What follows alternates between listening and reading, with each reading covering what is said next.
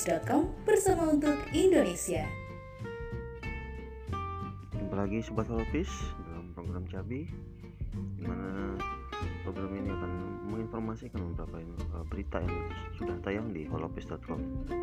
Informasi pertama, Bandara Juanda kembali melayani penerbangan uh, langsung untuk jemaah uh, jemaah umroh setelah dua tahun tidak beroperasi akibat pembatasan perjalanan di masa pandemi COVID-19.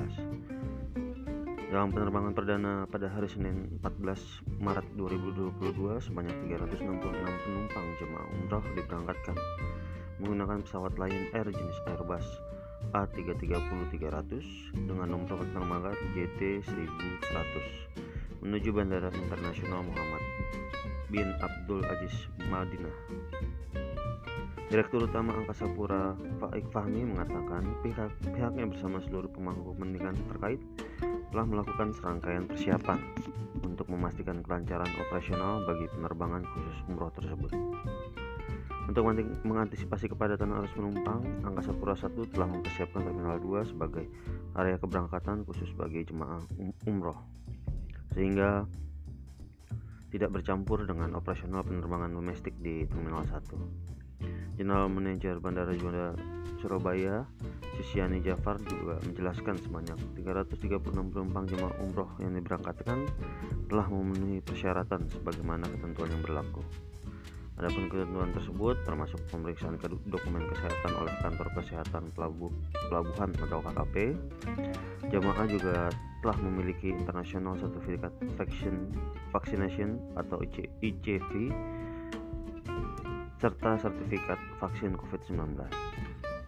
Selain Lion Air, maskapai Garuda juga direncanakan akan melayani penerbangan langsung untuk jemaah umroh di Bandara Juanda Surabaya ke Madinah mulai Selasa 15 Maret. Informasi selanjutnya, Kementerian Agama memutuskan akan menggelar uh, sidang isbat atau penetapan awal Ramadan 1443 Hijriah secara hybrid pada Jumat 1 April mendatang. Uh, Dirjen Minmas Islam Komarudin Amin menjelaskan tanggal tersebut dipilih bertepatan dengan 29 Syakban 1443 Hijriah.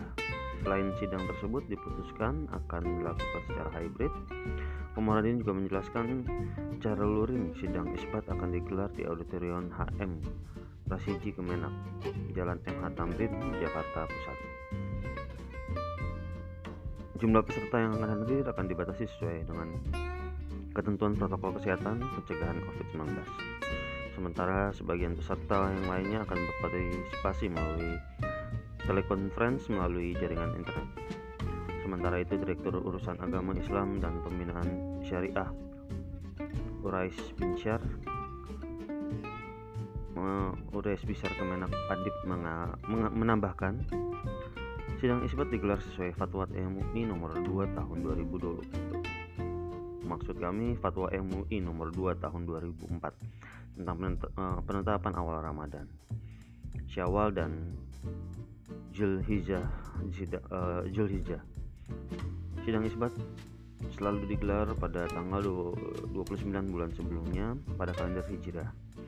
Sidang isbat ini akan melibatkan tim unifikasi kalender Hijriah Kementerian Agama, Duta Besar Negara Sahabat, perwakilan Ormas Islam, dan sidang ini juga akan melibatkan perwakilan lembaga penerbangan dan antariksa nasional atau 8, Badan Meteorologi, Klimat, Klimatologi dan Geofisika atau BMKG dan undangan lainnya.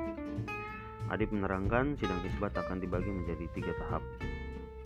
Pertama, pemaparan posisi hilal awal Ramadan 1443 Hijriah berdasarkan hasil isbat atau perhitungan astronomi pemaparan dilakukan tim unifikasi kalender Hijriah Kemenak melalui e, mulai pukul 17.00 waktu Indonesia Barat. E, untuk kedua, pelaksanaan sidang isbat penetapan awal Ramadan 1443 Hijriah. Sesi ini akan digelar secara tertutup setelah e, salat maghrib. Selain data isbat maksud kami selain data hisap atau informasi Sidang isbat juga akan merujuk pada hasil Ruyakul Hilal atau konfirmasi yang telah dilakukan Kemenak pada 79 lokasi di seluruh Indonesia.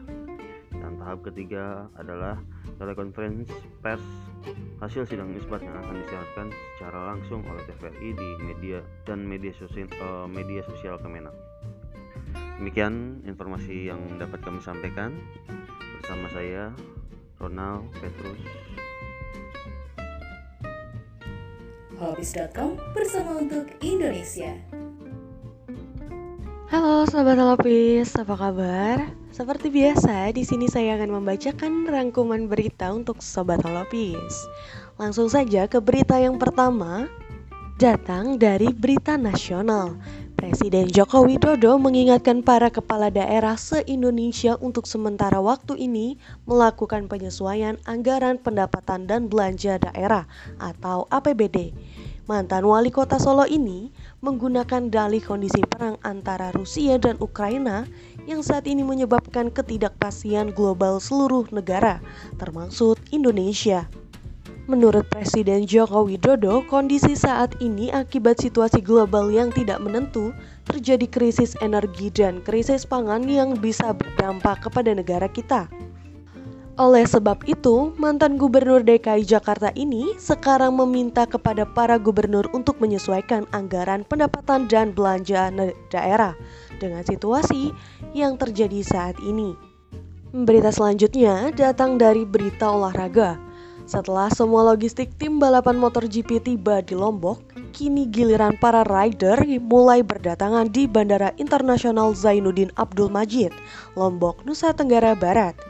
Menurut Kepala Dinas Pariwisata NTB, Yusron Hadi, sejak Minggu tanggal 13 Maret malam, total ada 64 yang sudah tiba di Lombok mulai dari official team hingga para pembalap.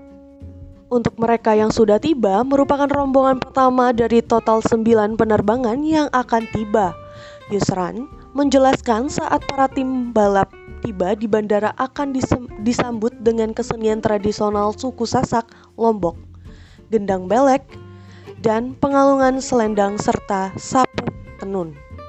Sedangkan menurut Humas Bandara Lombok, Arif Haryanto, kedatangan penerbangan Carter pada bulan Maret dalam rangka motor GP di Bandara Lombok terdiri dari 9 kali penerbangan, kedatangan mulai 13 Maret hingga 16 Maret, dan penerbangan kepulangan tanggal 20 sampai 21 Maret 2022.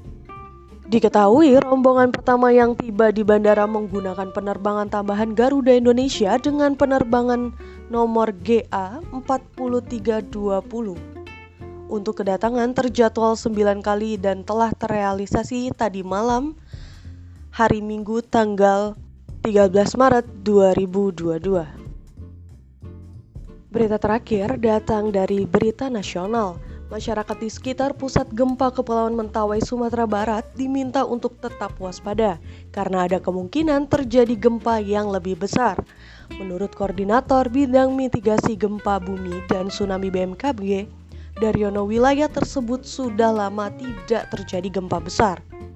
Daryono pun menjelaskan gempa dengan kekuatan 8,5 skala Richter di zona tersebut terjadi pada 10 Februari 1797